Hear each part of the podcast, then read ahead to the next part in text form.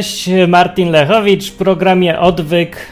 Y, takie różne gadki o Bogu i Biblii, życiu i tak dalej, po ludzku, normalnie. Dzisiaj sobie pogawędźmy o ewolucji. Dawno nie było tej ewolucji, więc trzeba przypomnieć co jakiś czas. W ogóle y, trochę szok, że tak rzadko ostatnio o tym mówię, bo to jest no nie dość, że ciekawe, bo jest kontrowersyjne i wszyscy się zaraz oburzają, jak to nie ma ewolucji, albo w drugą stronę, jak możesz wierzyć w takie głupoty, nie? No to wiadomo, że się przyjemnie zawsze słucha, jak się człowiek kłóci z drugim człowiekiem, ale nie, to nie dlatego, nie, nie dlatego. Dlatego, że y, to jest tak kluczowa sprawa, tak bardzo ważna jest i fundamentalna do, do tego, żeby człowiek każdy indywidualnie sobie wybrał, czy wierzy, że Bóg był, czy nie wierzy, że Bóg był. Do tego się właściwie sprowadza, że albo się y, wierzy, że była ta ewolucja, że życie powstało samo z siebie, o, upraszczając, albo nie powstało samo z siebie. To wtedy musiał ktoś przyjść i to życie wymyślić w jakiś tam sposób, wszystko jedno już jaki. Ale pytanie podstawowe, zanim się zapyta, czy Bóg jest, czy Boga nie ma, to człowiek ma dzisiaj, przynajmniej dzisiaj, tutaj, tu i teraz, w tych czasach, to ma takie. Czy życie i ja w tym, i mój kot, i moje dzieci powstały same z siebie, bez żadnych tam ingerencji, cudów i różnych takich, czy nie? Czy mogły być ingerencje i cuda i tak dalej? Więc to jest strasznie ważne, bo ja zawsze jestem, byłem zwolennikiem myślenia trzeźwego. Ja mam takie założenie. To jest założenie. Jedno z bardzo nicznych, jakie mam. Większość tego, czym się kieruję, to nie są założenia, tylko staram się rozumem dochodzić. Ale jakieś założenia trzeba mieć takie podstawowe. I założeniem podstawowym jest to, że rzeczywistość wokół mnie istnieje i rządzi się prawami logiki. Po prostu, jak coś jest, to ma swój powód. Jak czegoś nie może być, to tego nie ma. Nie, no po prostu tak ten świat jest realny i jest rzeczywisty. I jeżeli jest jakiś Bóg teraz, to ten Bóg też musi być logiczny i rzeczywisty i wpasowywać się do logicznej, logicznej rzeczywistości, do istniejącej. Inaczej mówiąc, to nie może, nie może być Boga, który nie ma sensu, który jest, e, potrafi komuś coś dać, a jednocześnie nie dać, albo nie, który potrafi być i nie być jednocześnie, który jest w ogóle nielogiczny, nie? To tak jak y, 2 plus 2 się równa 4, to u Boga też 2 plus 2 się równa 4. Nie może się równać tyle, ile mu się podoba, bo to Bóg. To jest idiotyczne w ogóle podejście. No niestety większość ludzi ma takie podejście i jest absurd. No to wierzą w Boga, który nie ma szans istnieć w ogóle. No i to jest wiara głupia, szkodliwa, w wszystkich możliwych aspektach jest szkodliwa, jest zła, jest niedorzeczna, prowadzi do samych złych rzeczy. No nic dobrego z wiary w absurdalnego Boga, którego być nie może, nie istnieje, istnieć nie może w żadnej rzeczywistości istniejącej. No co może być dobrego z takiej wiary? Niektórzy mówią, że wiara to jest wartość sama z siebie. O, jakbym chciał w coś wierzyć to sobie wymyśl dowolne bzdury i sobie wiesz, jak to jest takie cenne. To czemu nie, nie? Nie, ale to nie to chodzi, bo ja myślę, że jeżeli. Ja uważam, że jest coś takiego jak sensowna wiara. Wiara to jest po prostu zaryzykowanie, zaufanie takie, podjęcie ryzyka, że uznaję na próbę, że coś jest, chociaż nie mam dowodu ale to nie znaczy, że to jest coś, co nie ma prawa istnieć w realnym świecie. Wręcz przeciwnie. To jest coś, co ma duże szanse istnieć w realnym świecie, ale że udowodnić nie mogę, mam tylko takie przesłanki niejasne trochę, to ryzykuję i w końcu zaryzykuję. Załóżmy, że Bóg jest, albo załóżmy, że go nie ma, albo załóżmy, że to. I to jest to moja wiara i przekonanie. Absolutnie nie może być czegoś takiego jak wiara sprzeczna z materiałem dowodowym, z faktami, które już znamy. To jest głupota i absurd.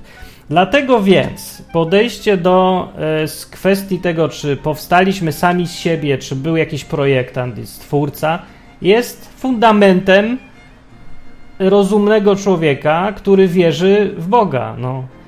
Bez tego nie da się wierzyć rozsądnie w Boga, zachowując jakiś tam rozum. No bo nie można jednocześnie wierzyć, że wszystko powstało samo z siebie, i jednocześnie wierzyć, że powstał ponadnaturalnie, bo był jakiś projektant. No to po co on jest w tym całym obrazie? Wielu ludzi chce połączyć przekonanie, że była ewolucja organizmów żywych, że powstały same z siebie, ale że był Bóg jednocześnie.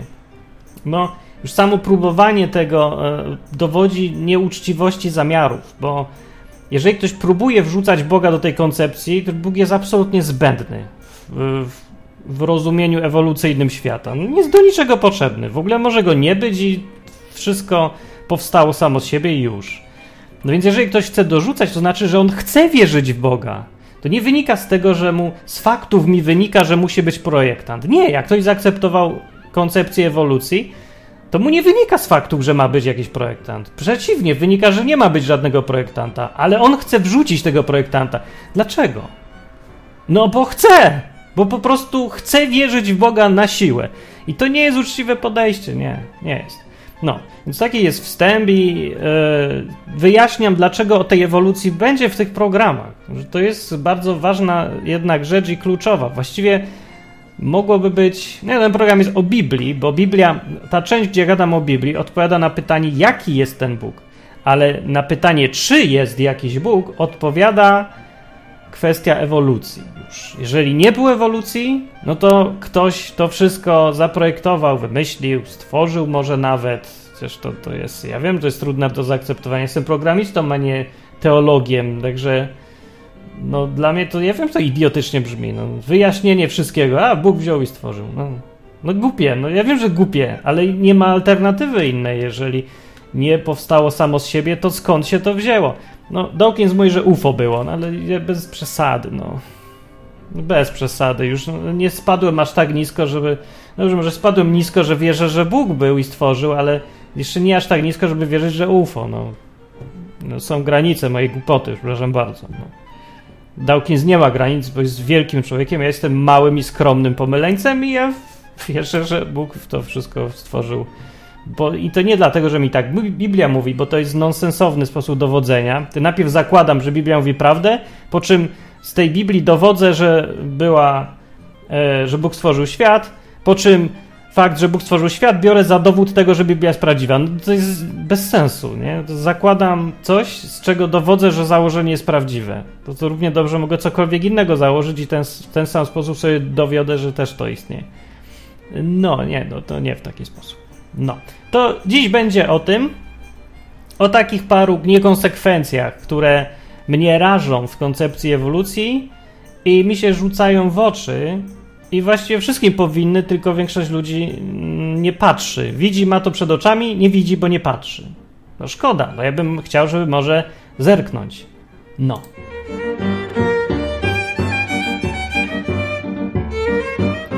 To będą takie różne wybrane, które mi przyszły do głowy, sprzeczności albo może nie konsekwencje, to tak nazwijmy. Ewolucja to jest takie podejście, tak dla, dla normalnych ludzi będę mówił, będę tak gawędził trochę, bo dużo jest opracowań naukowych, takich porządnych, to sobie możecie przeczytać, ale normalny człowiek jakoś się nie czuje na siłach chyba, żeby to wszystko ogarnąć i on chce jakoś, żeby tak na chłopski rozum wytłumaczyć. Panie, była ta ewolucja, czy nie było? No, no to ja tak spróbuję. Ja to po to ten program robię, żeby tak próbować, bo nie ma sensu inaczej w takich programach tego prezentować. Bo jak mówię, jak ktoś chce ścisłą, porządną wiedzę, to ja mu mogę rzucić y, całkiem fajne artykuły, z przypisami, źródłami wszystkim. On sobie może czytać, sprawdzać powoli, precyzyjnie, na spokojnie. A w takim programie, no to jednak jest tu jakiś gość, który gada, przekazuje bardziej emocje, odczucia, ogólne założenia. No, no to tak zrobię. Yy, nie aspiruję tutaj do, do naukowego, do, nau, do miana naukowca, o, powiem. Ani nawet popularno-naukowo tak. Nie mówię, tylko bardziej dzielę się, powiedzmy. No, więc e, ja bym powiedział najpierw o tym, gdzie tu tam sprzeczności są wewn wewnątrz tej koncepcji ewolucji. Więc ewolucja to jest, mówię tutaj, od razu zaznaczam, o tej teorii, która mówi, że organizmy żywe wzięły się od jednego prostego zaczątka życia, które powstało w ogóle sobie przypadkiem z materii nieożywionej. Nie? Ta pierwsza komórka słynna i walnął piorun, w zupę i z zupy pojawił się mały żyjątko, powiedziało, o, istnieje i zaczęło się rozmnażać. No tak ogólnie w skrócie, wersja dla dzieci. No, a potem z tego żyjątka jakimiś sposobami tam tajemniczymi, ale wytłumaczalnymi naukowo zaczęły się tworzyć coraz bardziej skomplikowane organizmy i tak dalej, aż do dziś już. Uprościłem całą koncepcję którą ja nie wierzę już. No, że byłem mały, to ona fajna była, bo dużo rysunków, zawsze animacje były fajne. Bo ta teoria jest genialna, jeżeli od strony medialnej, nie? Bo można dużo takich jakichś fajnych animacji wymyślać. I takie wykresiki, drzewka. I jak to się fajnie prezentuje od razu w muzeach, że masz konia i szczątki jakiegoś innego prakonia i sobie tak poukładasz na zasadzie podobieństwa i człowiek, no o, jak to ładnie poukładane, ale fajnie było. Z tym, że możesz to zupełnie układać po prostu na czuja i, i też to działa. Tak naprawdę nikt tego nie sprawdza. To wszystko jest na czuja zresztą robione i cała naukowość w tej dziedzinie polega na tym, że ktoś ma fajniejszego czuja niż ten drugi. Bo się cała, e, cała ta, to całe tłumaczenie, cała ewolucja zachodziła na papierze. Cała ewolucja jest na papierze, a to na tym zrobię, o tym zrobię jeden odcinek na, pod takim tytułem. Cała ewolucja jest na papierze. Naprawdę, jest na papierze.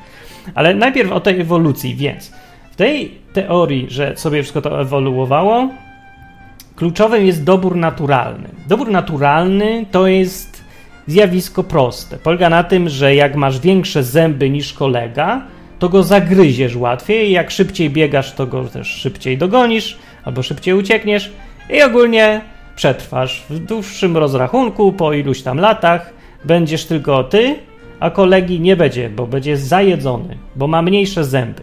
Dobór naturalny to jest przetrwanie tego, kto jest lepiej przystosowany. Niekoniecznie tego, kto ma większe zęby. Czasem się liczą większe płetwy.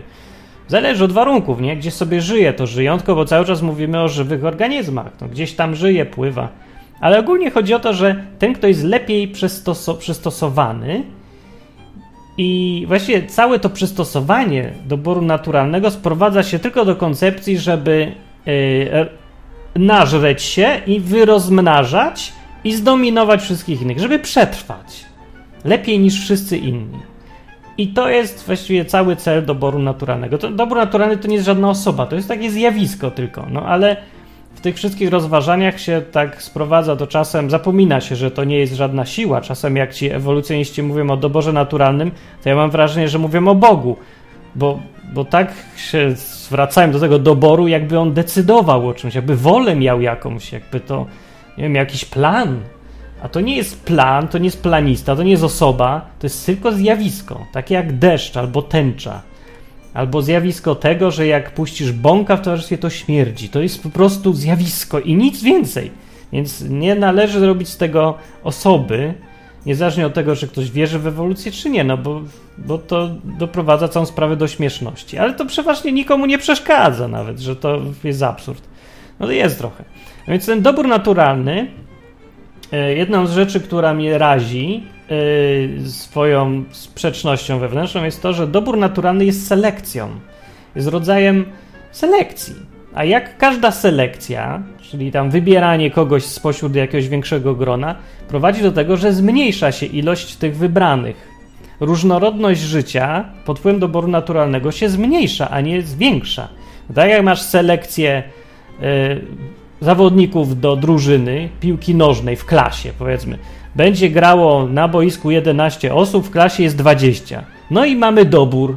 Dobiera się tych, którzy są lepsi, lepiej przystosowani. No to tak działa dobór naturalny.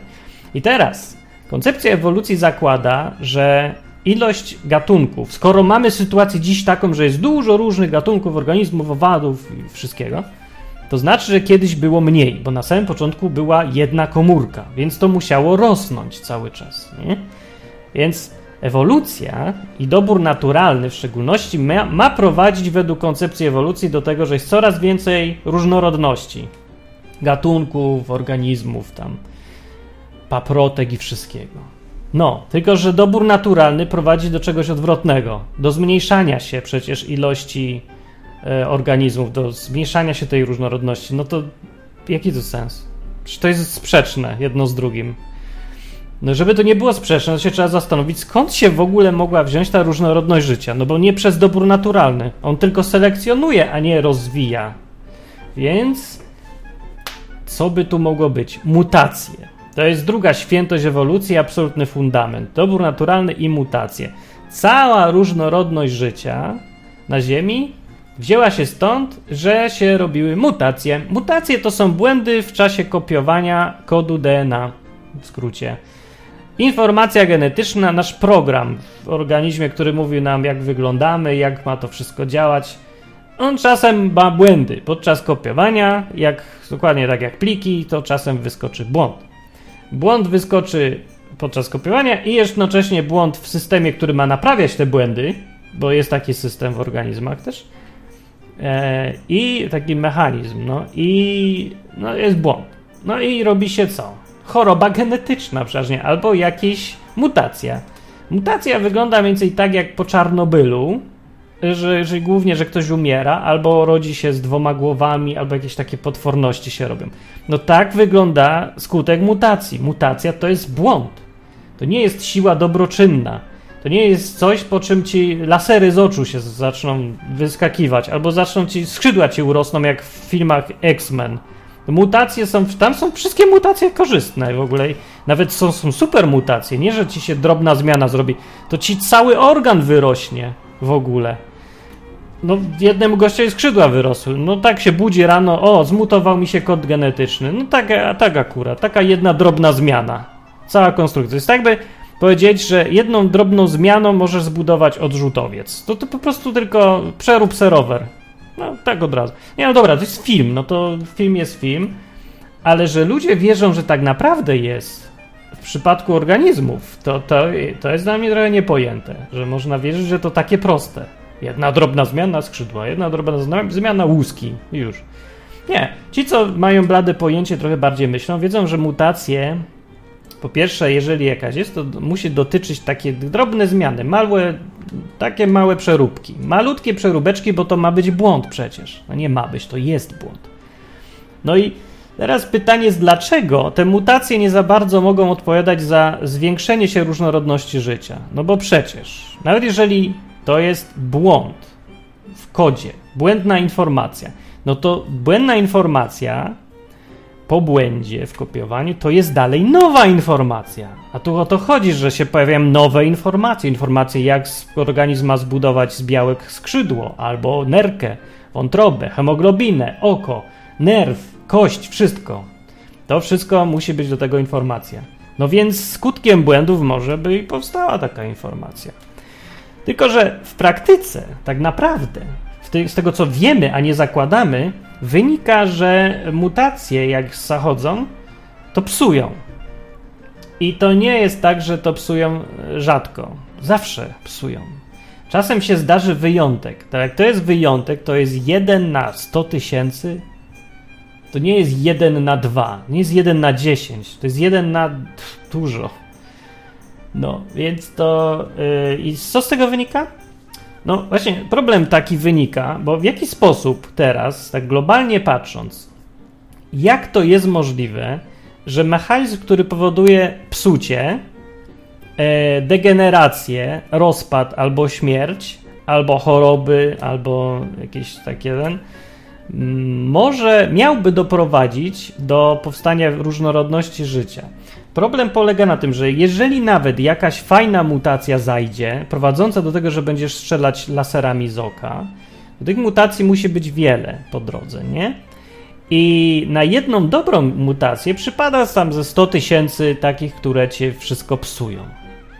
Więc chodzi o to, że jeżeli założymy, że pod wpływem no, tam 100 mutacji powstał jakiś nowy organizm, nowy już całkiem z nowymi rzeczami, to pamiętaj, że w tym samym czasie musiało zajść 10 milionów mutacji w tych samych organizmach, które zepsuły coś i też zostały w tej całej puli organizmów. Inaczej mówiąc, jak masz 100 organizmów, którym się coś poprawiło, to będziesz miał 10 milionów organizmów, którym się coś zepsuło. I to zepsucie polega na, no właśnie, na, gdyby to jeszcze było tak, że błędna mutacja kasuje osobnika, po każdej złej mutacji niekorzystnej umiera i już, i już go nie ma, to, to po problemie. Ale przecież e, mutacje, choroby genetyczne są dziedziczne. Jak ktoś ma mutację i błąd mu się zrobi i on przeżyje z tym, to będzie to dalej kopiował w następnych pokoleniach przecież. No, no są i takie przecież. Nie, nie ma, nie, nie ma chorób genetycznych, nie, nie ma, nie istnieją nagle. No istnieją, no. Więc cała ta koncepcja, że na, na mutacji wszystko wyrosło i cała różnorodność się z tego wzięła, jest bez sensu. Bo jeżeli tak było, to dzisiaj wynikiem tego powinien być y, koszmarnie zmutowany, pełen nie sakramenckich błędów świat organizmów żywych. Wszyscy powinniśmy być mutantami. Takimi po, Czern po Czarnobylu, nie takimi z X-Men. Bo tak działają mutacje. Hemoglobina ma y, coś 300 różnych odmian chorób. Nie? Są choroby związane z hemoglobiną, schorzenia takie. Za wszystkie 300 odpowiadają błędy genetyczne. Żadnej nie ma korzystnej. Korzystnej mutacji w hemoglobinie jest zero. I większość z tych mutacji nie prowadzi do śmierci. Do śmierci prowadzi tam kilkanaście, chyba z tych 300. Reszta przeżywa i sobie choruje dalej. No. Oczywiście, że yy, takie rzeczy się dzieją w naturze i wśród zwierzątek się też dzieją. Oczywiście, no jakie zwierzątka załatwia na szczęście dobór naturalny właśnie. No i zwierzątko jak se zmutuje, to przeważnie jest słabe i chore i coś mu nie działa, no to go coś zagryzie i posprzątane. Rzeczywiście i to jest, więcej wyjaśnia, dlaczego nie żyjemy w świecie mutantów i y, jakichś zdegenerowanych zwierzątek. I bardzo fajnie, rzeczywiście to tłumaczy. Ale dalej, ilość negatywnych mutacji jest tak sakramencko duża, a ilość mutacji pozytywnych jest praktycznie zero, to, to mówię to, co wiemy, a nie to, co zakładamy, że nawet biorąc pod uwagę to oczyszczający dobór naturalny, to, to dalej nie widzę, żeby to prowadziło do większej różnorodności życia. Nie widzę tego. Zresztą to, hej, to nie ja muszę widzieć. To ten, kto wymyślił tą teorię, to powinien udowodnić, że ona zachodzi. No ale wszystko, co wiemy, a nie co zakładamy, ja to będę powtarzać, to jest ważne, nie? Bo ważne, by się trzymać nie tego, co na papierze ktoś napisał, tylko to, co jest. Jest tak, że nie ma żadnych przypadków wokół nas tego, żeby szereg mutacji prowadził do powstawania nowych, fantastycznie działających rzeczy. Jedyne przykłady, jakie się podaje na całym świecie, a kupę ludzi to bada, no, yy, to są jakieś malutkie, drobniutkie zmiany na poziomie molekularnym i to nie kumulujące się, tylko jakaś jedna gdzieś tam mutacja, która prowadzi do tego, że jest jakaś modyfikacja w czymś, co już istniało. Ale zmian mutacyjnych, które prowadzą do powstania czegoś nowego, do nowych organów, do czegoś, czego nie było wcześniej w kodzie e, genetycznym, co nie wynika z już z istniejącej informacji, nie ma. Po prostu nie ma, jest zero. I to wszystko razem do kupy to jest jakaś w ogóle fenomenalna niespójność tej całej teorii ewolucji, że założenia mówią jedno, a, mu, a Fakty mówią całkiem co innego. Założenia mówią, że ma być coraz większa różnorodność życia. Fakty pokazują, że nie ma czegoś takiego w ogóle, nie zachodzi, nie występuje. I ludzie sobie dalej z tym żyją i im to nie przeszkadza. Mnie to szokuje, powiem. To jest taki pierwszy główny szok, jaki ja mam yy, związany z tą teorią ewolucji.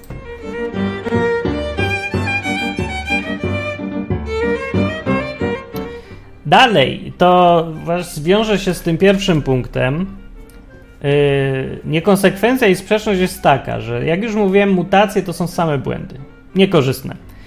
Yy, no i jakoś ja tu widzę sprzeczność. Ludzie mówią, że do, jakoś tak słuchają tych lekcji biologii, że była ta ewolucja i jakoś to łykają. Ja nie mogę, ja nie trawię. Chodzi mi o to mianowicie, że Wszystkie organizmy żywe, zakładamy, zakłada ta teoria, wszystkie i cały kod genetyczny, twój i mój też, i babcia też, i mysza, i szczur, i kot, i drzewo, i wszystko co żyje, jest wynikiem błędów w kodzie genetycznym. Wyłącznie błędów. Cały, stuprocentowo nasz kod genetyczny, według tej teorii, jest błędem, wynikiem błędów w kopiowaniu. Oprócz może tej pierwszej komórki, która niedorzecznym zbiegiem okoliczności powstała i miała jakiś fajny program. Tak nam się udało, załóżmy. No i, i, i co? I reszta to już są same błędy tylko. Więc praktycznie cały kod genetyczny to są błędy. I co? Z tych błędów ma powstać tak bezbłędnie działający organizm jak ja? Bo nie no, z całym szacunkiem, ja tu nie, żebym siebie gloryfikował, bo nie ja siebie sam skonstruowałem, ale to, co, to jak działamy, wymaga tylu jednocześnie działających elementów, że to się w pale nie mieści. i jest w stanie żyć przez lata. Samo, właściwie trzeba tylko jeść, pić, myć się i chodzić do kibelka i spać i koniec. I działa. Samo. A tak potwornie skomplikowane jest. I co? Czy to wygląda dla ciebie jak, yy, jak twór, jak konstrukcja jakaś, nawet jeżeli powstała przypadkiem, jak konstrukcja, która powstała na, na skutek błędów? Czy jesteśmy kumulacją błędów samych? Czy to tak wygląda dla ciebie? Bo ja tu widzę tak niewiarygodną sprzeczność, że y, nie wiem nawet jak pokazać to komuś, bo to jest tak wielkie, że się nie dostrzega. Ja jestem kumulacją będą. No popatrz jak kod działa. Popatrz jak się wspina na drzewo, jak poluje na myszę, na tygrysa, popatrz, na rekina. Popatrz sobie na te wszystkie zwinne, niewiarygodnie idealne zwierzęta w swoim środowisku. Tak precyzyjnie dostosowane do warunków, które żyją. Popatrz sobie na kreta, który jest ślepy, ale kopie rewelacyjnie. Popatrz sobie, jak potrafi e, jakiś ptak lecieć sobie przez półkuli ziemskiej do ciepłych krajów i wrócić dokładnie do tego samego gniazda bez żadnej mapy. Popatrz sobie, jak to precyzyjnie i dokładnie działa, i teraz sobie uświadom, że według teorii ewolucji to wszystko to jest tylko błąd. To się wzięło z błędów. I mimo, że to się wzięło z powtarzanego szeregu błędów, wszystko nagle działa idealnie. No to jest stary cud. To jest dla mnie cud, który jest przy którym wszystkie cuda Jezusa razem wzięte to jest pikuś, żeby uwierzyć w to, że weźmiesz sobie, załóżmy, programistów z państwowej firmy, którzy robili ePUAP albo inny fatalnie działający program, spijesz ich w trzy dupy i każesz im pisać program. Chodzi o to, żeby popełniali same błędy. I żeby ich było dużo i żeby się kumulowały te błędy. Z jednych błędów następny błąd, nie? No. I teraz y, efektem końcowym ma być idealnie działający program. Czy to, czy to jest w ogóle. Co to jest za koncepcja głupia? Ludzie.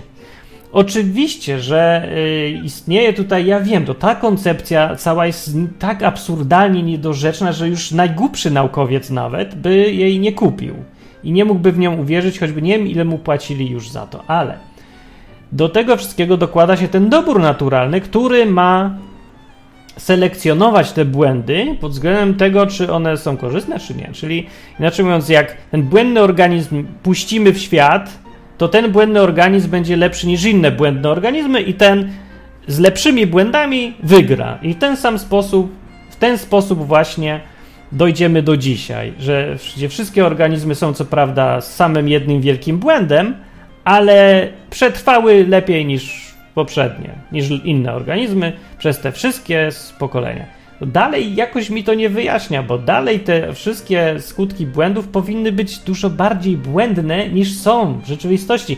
W rzeczywistość, jak sobie oglądnicie sobie program jakiś geograficzny, jakiś na Discovery sobie kanał przez jeden dzień oglądajcie i zobaczcie, jak działają te wszystkie organizmy, które są tam pokazane. Przecież to jest idealnie zaprojektowany do warunków organizm.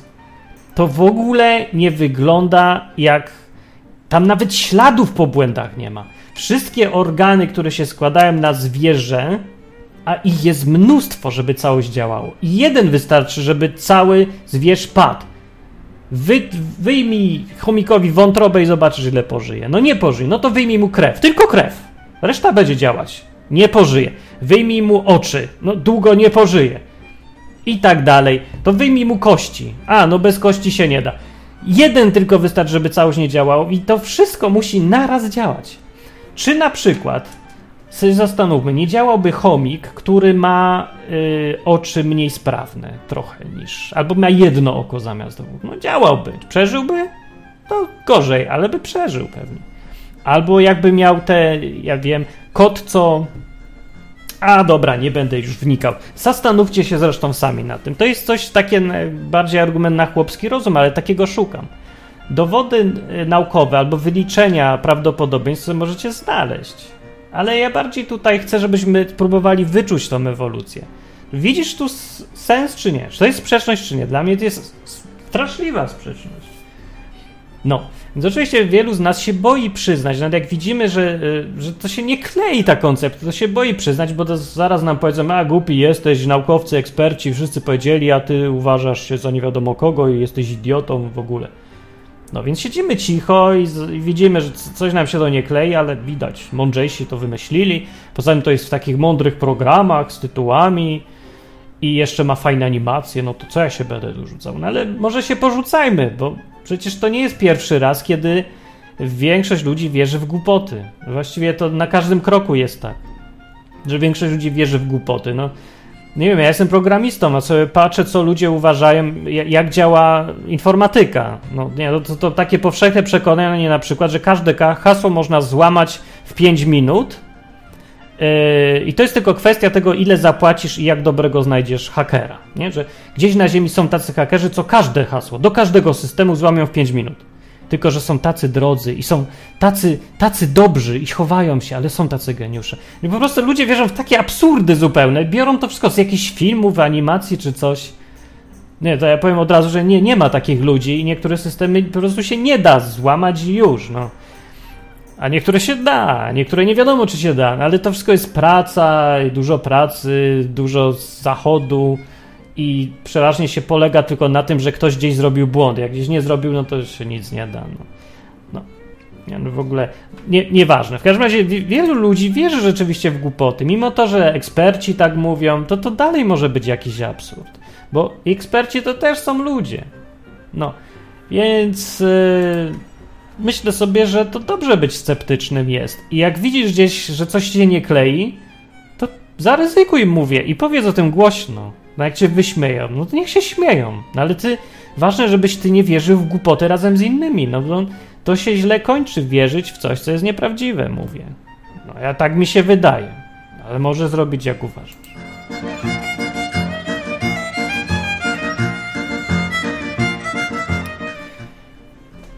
Jedna jeszcze jest taka sprzeczność, niespójność dziwna, dziwactwo, yy, które mówi, że Dobrze, załóżmy, że dzisiaj, yy, jak kurczak robi jajko, kurczak nie robi jajka, kura robi jajko.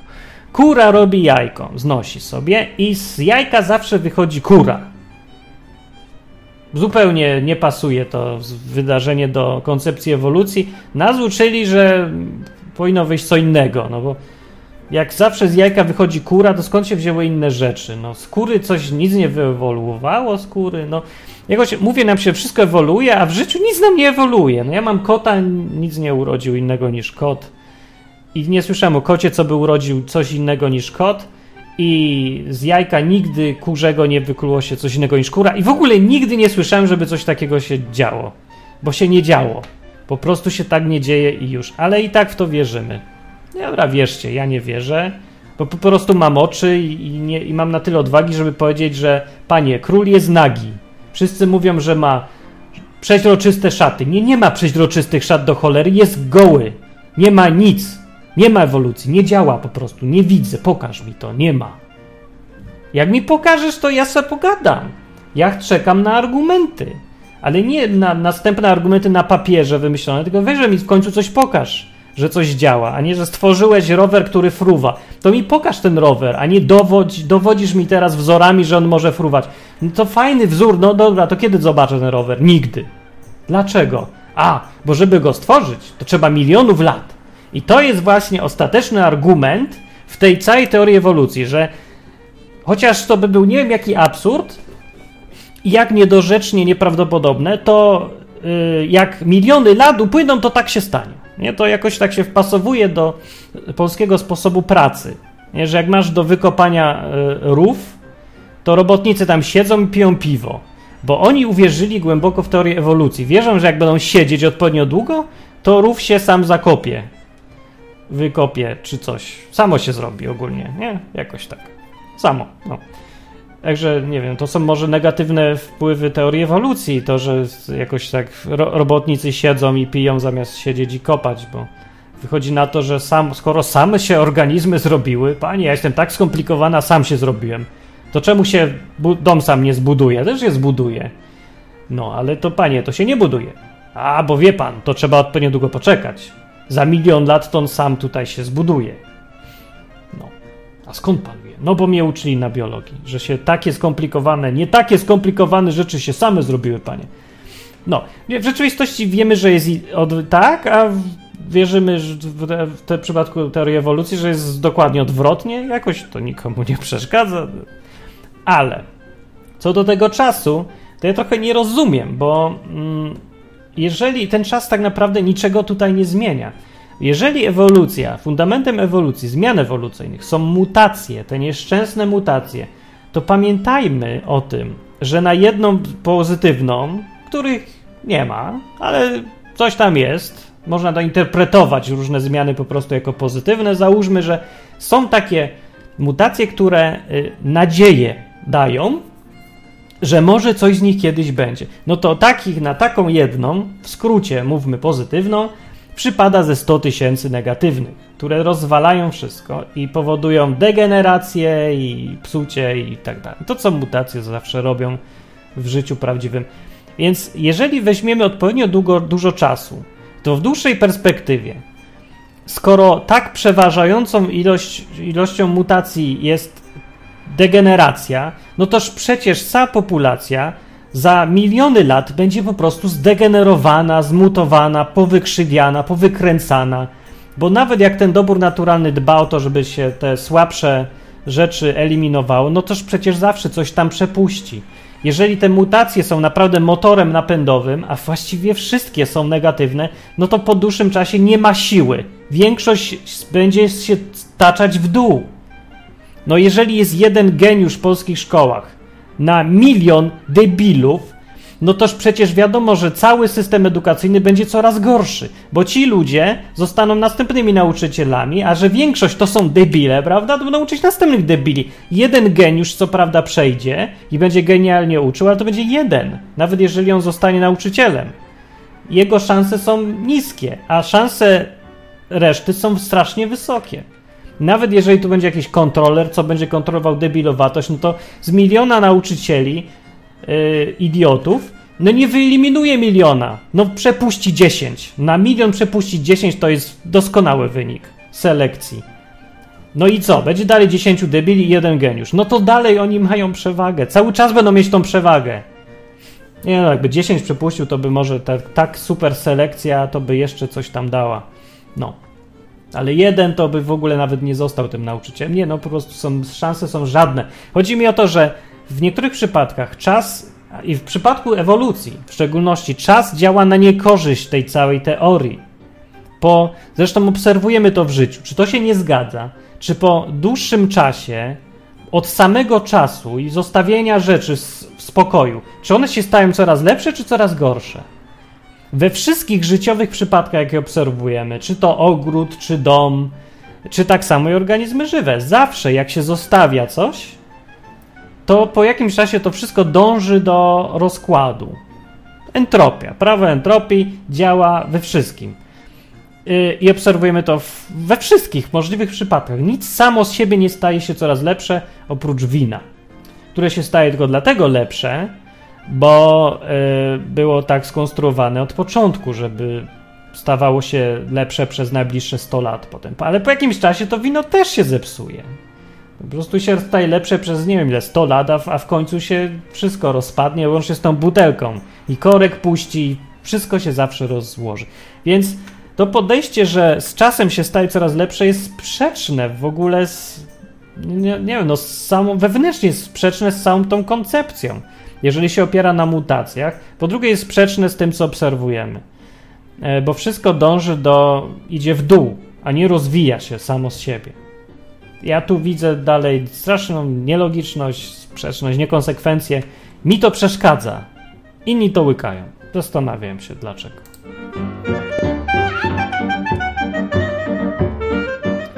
No, już odcinek się robi coraz dłuższy, będziemy kończyć. Ja mam tylko jeszcze dwie rzeczy, na które chcę zwrócić uwagę, takie niekonsekwencje, co mnie szokują. I te już są takie wyraźne i takie całkiem na chłopski rozum i mam nadzieję, że je wyczujecie przynajmniej, dlaczego ja je mam. Teoria ewolucji, jak wiemy już, zakłada, że wszystko powstało samo z siebie i przypadkiem. Yy, czyli właściwie jest to taka samo się dzieje. No, no, nie możemy powiedzieć, że coś jest, jest konstrukcją, nie możemy powiedzieć, że coś jest projektem, bo nie było konstruktora i nie było projektanta. Wiesz, samo się zrobiło, no i już. To wiemy, ale z drugiej strony, jak się uczymy na przykład w szkole, jak jest zbudowana komórka, to uczymy się tak, że mitochondria robią to i tamto i tamto, a błona odpowiada za to i za to, za tamto. I uczymy się tak dokładnie tego, do czego służy każda jedna rzecz w komórce. Tak naprawdę uczymy się w przerażającym uproszczeniu. Komórka, ta najprostsza niby rzecz, jest niewiarygodnie skomplikowana.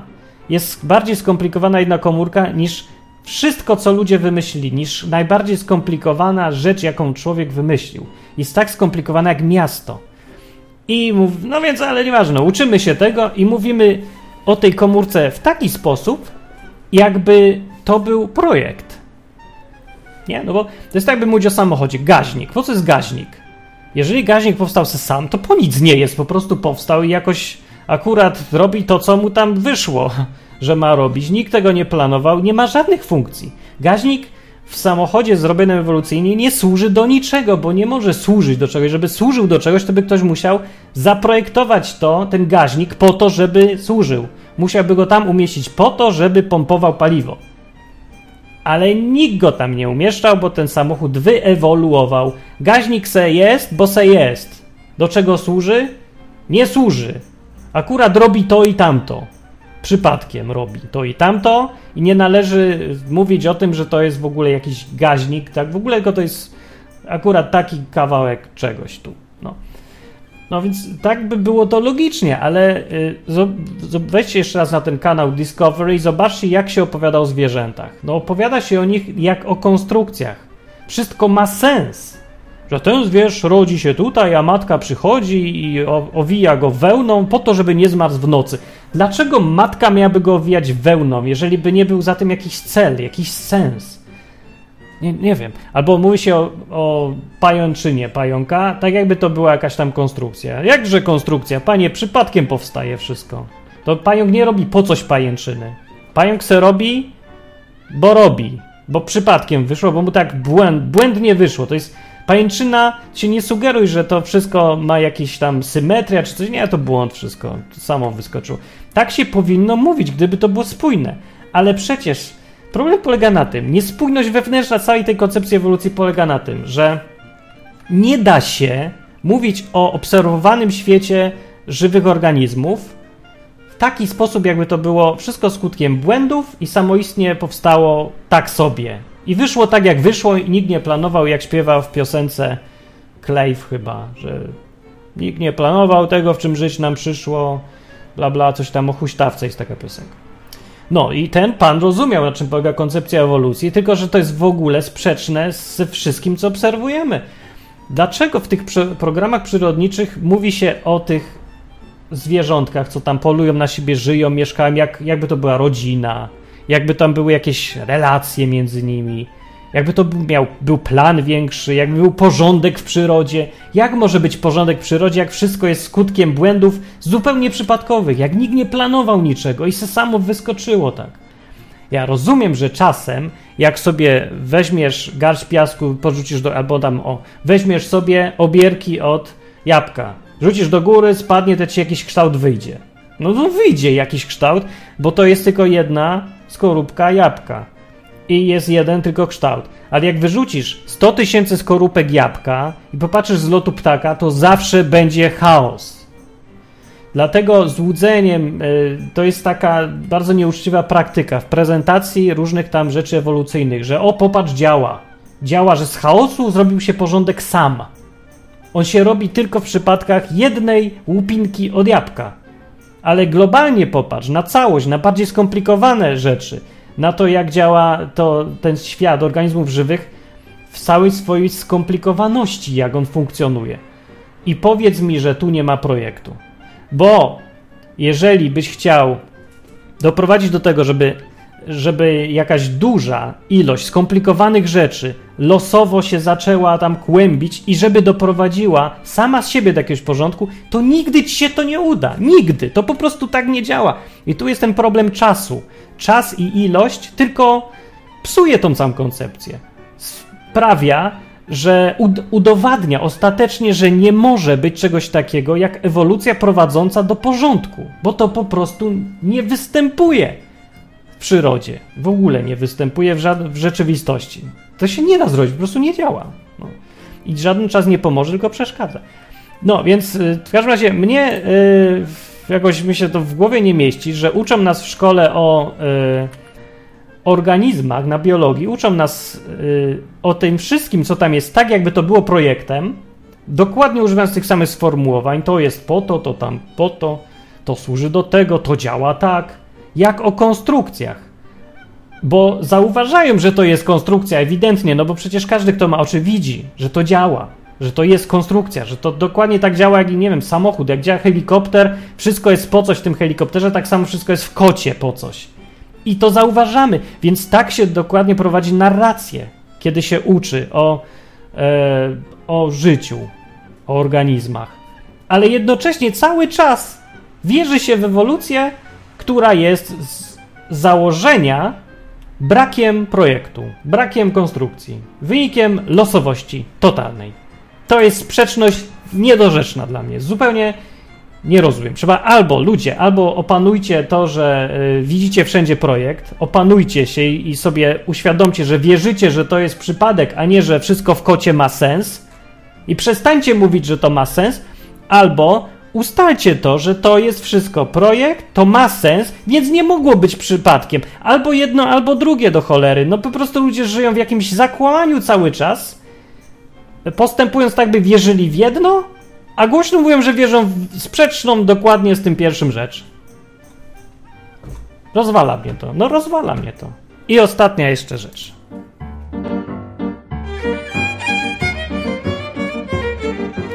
Ostatnia, proszę pana, rzecz, którą e, jest dla mnie taką wewnętrzną niespójnością, sprzecznością, to jest już taka całkiem subiektywna obserwacja moja. Popatrz sobie na świat znowu tych organizmów żywych. Popatrz na pajęczynę. Popatrz na taką kolorową żabę. I uświadom sobie, jeżeli wierzysz, że to powstało przypadkiem, doborem naturalnym, pomyśl sobie, dlaczego to jest takie ładne. To jest taki argument piękny. Ale nie tylko o piękno mi tutaj chodzi. Chodzi mi o to, że cała koncepcja ewolucji yy, opiera się na tych dwóch rzeczach: mutacje i dobór naturalny. Dobór naturalny, jak mówiłem na początku, to jest tylko zjawisko, i polega na tym, że przetrwa ten, kto jest najbardziej dostosowany. Ale cały ten dobór naturalny, jako zjawisko, opiera się na przetrwaniu. Promuje nie tego, kto jest ładniejszy, kto, kto nie wiem, sympatyczny jest czy coś, tylko tego, kto przetrwa. Zwyczajnie. To jest taka surowa, mechaniczna reguła, bardzo surowa. Taka reguła, stosowana przez w dłuższym okresie czasu, powinna skupić się tylko na generowaniu tych cech, które służą do przetrwania. Do przetrwania. Więc ja się pytam, do czego w kategoriach przetrwania służy cała różnorodność kwiatów, kolory tych kwiatów? Przecież to nie ma żadnego sensu. Kompletnie. Dlaczego dobór naturalny, któremu chodzi tylko o przetrwanie i nic go nie obchodzi innego, miałby prowadzić te błędy w kopiowaniu w kierunku orchidei? Po jakiego wała? Po co takie piękne kwiaty? Ja się pytam. I motyle. Na jaką cholerę kolorowe motyle? Oczywiście ewolucjoniści muszą znaleźć odpowiedź na wszystko, niezależnie od tego, jak absurdalna jest ta odpowiedź. I tak potem wszyscy w to wierzą, bo widać nie mają innego wyjścia. No bo alternatywą jest wierzyć, że co? Stwórca był, czy co? Więc yy, odpowiedź standardowa jest taka: a to te kwiaty są kolorowe, bo przyciągają owady lepiej i te piękniejsze przyciągają lepsze owady i dlatego przetrwa ten kwiat lepiej. Ale w rzeczywistości przecież to jest dalej nieprawda. Najwięcej kwiatków to są zwykłe polne kwiatki, mało piękne. Pełno ich na trawniku. One przetrwają najlepiej, bo nie interesuje ich piękno wcale. Jakoś im to piękno nie pomogło, żeby one były tymi powszechnymi gatunkami zwykłymi. Najpiękniejsze są te kwiaty, które są gdzieś tam, ich jest mało, rzadkie są, są rzadkością. Żeby je znaleźć, to trzeba gdzieś tam jechać i im tam jakoś trudno żyć. Więcej są takie kwiatki, które już w ogóle robią z całej y, tej teorii pośmiewisko, które wymagają symbiozy do życia. Są kwiatki, które wymagają konkretnego gatunku owadu, który je zapyli. Bez tych kwiatków ten, bez tego owadu kwiatek by, kwiatka by nie było, by się nie rozmnożył i by skończył na tym pokoleniu swój żywot jako populacja. I pytanie ewolucyjne, skąd się to wzięło? Jak to jest możliwe w ogóle? Jak mogły jednocześnie, co obok siebie ewoluował kwiatek i owad? Jak mógł w ogóle przetrwać? Jak to jest w ogóle możliwe? No nie, nie, nie wiem, jak to jest możliwe. Dziwna rzecz i ciężka do wytłumaczenia. Ale bardziej mi chodzi teraz o to piękno całe. Dobór naturalny powinien w skutku, znaczy, gdyby działał, gdyby, o, gdyby wszystko naprawdę na Ziemi rozwijało się yy, w losowych kierunkach i wybierane z tych losowych kierunków byłoby tylko to, co lepiej przetrwa, to dziś powinno być tak, że dominującymi zwierzętami to by były najszybsze, bo to zawsze przydatna cecha. Zawsze lepiej być szybkim niż wolnym, nie? E, właściwie w każdym środowisku. No to wszystkie powinny być szybkie, mieć najlepsze mechanizmy obronne, najlepsze mechanizmy ataku, wszystko, co pomaga w przetrwaniu. Rozmnażać się jak bakterie w ogóle, im szybciej, tym lepiej. Bo jaka jest korzyść z tego, że się rozmnażają wolniej z punktu widzenia doboru naturalnego? Żadna. Więc wszystkie te organizmy powinny być w tą stronę. No po tylu milionach lat to chyba najlepsze powinny przetrwać. Ale rzeczywistość jest inna. Jest przecież tyle gatunków, których sens istnienia jest jakoś taki mało zorientowany na przetrwanie. One są takie są, ale ani zębów, ani kłów, ani tam kwiatki specjalnie się nie przejmują, że no se rosną i giną. Jakoś jak się tam mut, zmutowały zęby w kwiatku, no to jakoś dziwnie nie przetrwały te zęby w kwiatku, ani nie wiem, kwiatki strzelające kwasem solnym do owadów, które je chcą zjeść. Jakoś nie wyewoluowały. Dlaczego? Powinno tak być. Nie powinno tak być? Zgodnie z założeniami tej teorii. Gdyby zrobić tak, że bierzesz ufolutka, który nigdy nie był na Ziemi i pokazujesz mu teorię ewolucji, wszystkie jej założenia. Mają być mutacje, ma być dobór naturalny, który kieruje mutacjami. I każesz mu narysować, jak przy takich założeniach od jednej komórki wyewoluował świat żywy. To by ci narysował się założe. Yy, wielkie potwory, które mają zęby, kły i wszyscy tylko się zabijają nawzajem. I rośliny, które się rozmnażają tak szybko, że nie nadążysz po prostu jeść tych roślin, bo chcą przetrwać. Wszyscy chcą przetrwać i zabić drugiego. No takie są założenia. I tak powinien wyglądać świat, ale nie wygląda. Nie wygląda. Są ładne kwiatki, słowik śpiewa nie wiadomo po jakiego wała, e, motylki są ładne i se tak latają. Po co? Dlaczego? Gdzie tu jest ta walka o byt, o przetrwanie? Bo ja je nie widzę. Oczywiście, że tam się wszyscy zagryzają w naturze, ale oprócz tego zagryzania, tego zagryzania wcale nie jest tak dużo, jak się wydawało by. Właściwie większość życia to te organizmy se tak żyją raczej w zgodzie, w harmonii w naturalnej i co jakiś czas ktoś tam kogoś zjada oczywiście. Przeważnie słabszego czy coś, ale raczej więcej widać harmonii, piękna, jakiejś takiej symbiozy. Symbiozy jest dosyć dużo, bardzo dużo jest symbiozy w naturze przecież. I niż, niż walki, i kłów, i przetrwania. Więc te założenia się w ogóle nie pasują mi do tej rzeczywistości. Ja widzę tutaj kosmiczną sprzeczność. Kot tutaj po mnie chodzi i sobie myślę tak, dlaczego ten kot Ewolucyjny kot, maszyna do zabijania. Tak się mówi, że to kot, no bo jest. Jak kot elegancką muchę zabił niedawno mi tu w domu, super był. Ale kot jednocześnie jest śliczny, ten kot. I kot w ogóle nie ewolucyjnie przychodzi się do mnie przytulić i miałczy, żebym go głaskał. I robi tak głową, głaskaj mnie, głaskaj mnie. Kot się przywiązuje, pies się przywiązuje. Dlaczego pies się przywiązuje? Jak mówimy, że w dzikim, wolnym rynku, kapitalizmie liczą się te kły, pazury, dobór naturalny, to zawsze bardziej tego efektywnego promuje. Tak mówimy, nie? I tak się wierzy ogólnie. Może i tak jest nawet, ja nie wiem dokładnie. I takie rzeczy jak lojalność, przyjaźń, e, życie w zgodzie z sąsiadem, to to nieważne jest na wolnym rynku, bo to takie drapieszcze są, nie? Zasady. No to wierzą ludzie tak, ale w świecie przyrody nagle wierzą, że z jakiegoś powodu ewolucja kazała psu być lojalnym wobec właściciela, wbrew własnemu interesowi. Pies jest w stanie narażać własne życie, cały czas naraża własne życie, żeby obronić właściciela. Gdzie tu jest przetrwanie gatunku psa? Gdzie, jaki tu jest interes psa? Przecież dobór naturalny zakłada skrajny egoizm, stuprocentowy skrajny egoizm, że każdy organizm robi tylko to, co korzystne dla niego. Ale w przyrodzie jest od cholery przykładów, obserwujemy dookoła, widzimy całkiem co innego. Widzimy, jak zwierzęta lubią być z ludźmi, widzimy, że lubią być z sobą, że chomiki se śpią razem i się przytulają, bardzo częściej się zagryzają, zagryzają się też, ale oprócz tej części walki jest ta dziwna część piękna, jakiejś harmonii i to nie wynika z, z założenia, że dobór naturalny i przetrwanie i egoizm. Dziwne trochę. I pokazuje mi coś, że coś jest ewidentnie nie tak z założeniami tej całej teorii ewolucji, bo świat powinien wyglądać całkiem inaczej niż wygląda.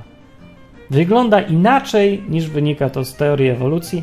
I to jest dla mnie argument na chłopski rozum, że panie stary, na pewno się panu klei, panie stary, czy panu się klei ta koncepcja? Weź pan se pooglądaj te krowy, kury, psy, koty dookoła. I zobacz pan, czy to panu pasuje, czy to pan gdzieś widzi tą ewolucję, ten dobór naturalny, te mutacje. Bo ja nie widzę ani tego, żeby dobór naturalny był takim jedynym kierownikiem tutaj i wszystko pod wpływem przetrwania, nie widzę tego. Mutacji w ogóle nie widzę, żeby były jakiekolwiek korzystne, nawet ich, o nich nie słyszałem. I yy, co tam jeszcze jest? No, ewolucji w ogóle też nikt nie widział na oczy żadnej. Tylko takie małe mikroewolucje, jakieś drobne modyfikacje powstania nowych organizmów, nowych, których nie było organów. Nikt nigdy nie zaobserwował, nigdy, nigdzie. Nie, że wyjątki, bo nie było wyjątków nawet. Nie da się tego zwyczajnie.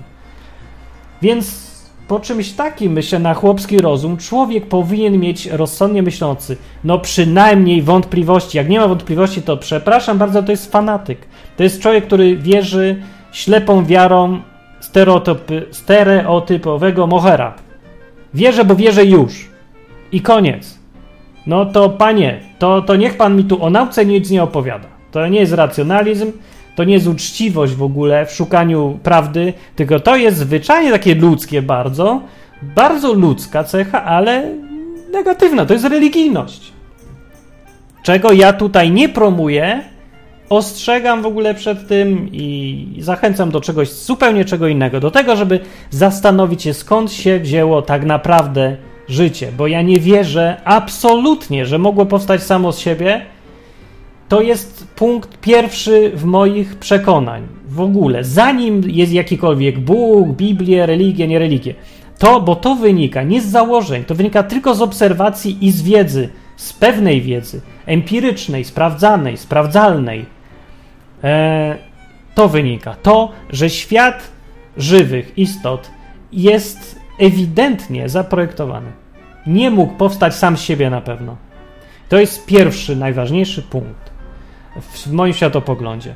Cała reszta, możemy o tym gadać, cała reszta już wymaga pewnych założeń, jakiejś wiary, ale dojście do tego, że nie powstały te rzeczy, które są tak, no, tak jak te argumenty dzisiaj dawałem cały dzień, znaczy całą tą godzinę, no to one mi wskazują, że nie mogło powstać to samo z siebie. A wynikiem tego, skutkiem tego, konsekwencją tego przekonania jest to, że albo jest jakiś UFO, albo jest jakiś Bóg, albo nie wiem, w ogóle nie istniejemy, bo to jest niemożliwe, żebyśmy istnieli. Racjonalnie patrząc, to my w ogóle nie mamy prawa istnieć. I nie mamy prawa mówić do siebie teraz. To wszystko powinno być, nie wiem, sen. Ale komu się to ma śnić, jak nikt żywy nie ma prawa postać sam z siebie? No ale jesteśmy. I jakoś trzeba ten absurd rozwiązać. Żyjemy w świecie, który wydaje nam się taki bardzo racjonalny, taki, wiecie, no zasady, grawitacja, no jest pewna. Wyskoczysz przez okno, zabijesz się. Nie ma wyjątku. Nie ma cudów. Po prostu. A jednocześnie najbardziej oczywista rzecz, fakt, że istniejemy, dowodzi, że są cuda, bo nie masz prawa istnieć z punktu widzenia nauki, e, logiki, obserwacji. Nie masz prawa istnieć. Jesteś za skomplikowany, żeby to mogło samo powstać. I ktoś cię musiał zrobić. Ja doszedłem do tego wniosku, i to jest wniosek, który, z którego wynika całe to szukanie, czy jest jakiś Bóg i Stwórca, czy to Biblia mówi o tym właściwym Bogu, prawdziwym, czy może UFO, czy może coś innego. Ale pierwszy punkt programu to jest kwestia tego, skąd się wziąłeś. I myślę, że w tym wypadku da się odpowiedzieć na to pytanie. Na pewno da się odpowiedzieć na pytanie, skąd się nie wziąłem. Nie wziąłem się sam z siebie. Absurd. Ale skąd się wziąłem? Kto odpowiada za to, że, te, że życie na Ziemi istnieje? No, to jest ważne pytanie. I to wymaga pewnych założeń, bo już na pewno czegoś wiedzieć nie sposób. Można tylko wiedzieć, że no nie samo z siebie, takie rzeczy się zwyczajnie nie dzieją. Gdzieś, inaczej mówiąc, krótko mówiąc, gdzieś w naszym realnym, twardym życiu na pewno był cud. Przynajmniej jeden, przynajmniej stworzenie, przynajmniej konstrukcja, ingerencja jakaś, kogoś wielkiego. Może wielkie UFO, nie ale było. To mówiłem ja. Komentujcie, co o tym myślicie, wysyłajcie innym do posłuchania, żeby to, nie wiem, zwrócić uwagę na niektóre rzeczy. Ja nie mam monopolu wcale na to, że prawidłowo wiem i rozumuję i wierzę, więc bardzo lubię sobie posłuchać, co inni myślą i uważają na ten temat. I wyjdźcie z założenia takiego, że ja mówię o tym, do czego ja sam dochodzę, a ty żyj na własny rachunek i dochodź na własny rachunek, ale głupotą jest zignorować to, co tu mówię, bo myślę, że tu jest parę rzeczy, nad którymi zastanowić by się trzeba. No nawet jeżeli w niektóre rzeczy, niektóre te wątpliwości, które ja mam, jest prosta odpowiedź ma sens dla ciebie, może ma, może, może i dla mnie ma, tylko ja jej nie znam jeszcze. E, no to myślę, że wiele z tych jest naprawdę warta poważnego zastanowienia się. A z tego zastanowienia się może wyniknąć, że ktoś twierdzi, Bóg jest. I to go doprowadzi w bardzo dziwne miejsca. Ale życie będzie ciekawsze, tym lepiej. Komentujcie, pamiętajcie, że odwyk, ten program e, działa na zasadzie tego, że co łaska, więc rzućcie co łaska, jak tam termometr go pada w dół, to wtedy jest moment, żeby dać co łaska. Jak ktoś nie wie, kiedy dać co łaska i ile, to niech da wtedy, jak termometr spada. Bo to oznacza, im niżej spada, tym większa szansa się robi, że odwyk się skończy. Po prostu się skończy, bo nie będzie potrzebny. Bo już nikt nie chce słuchać. Bo już wszyscy, co chcieli posłuchać, już posłuchali, a reszta nikogo już nic nie obchodzi. Tylko chcą się najeść i oglądać serial w telewizji. Czego wszystkim życzę właściwie, póki żyją, a po śmierci czegoś fajnego też życzę. Do następnego razu. Pa, pa, pa, pa. Cześć.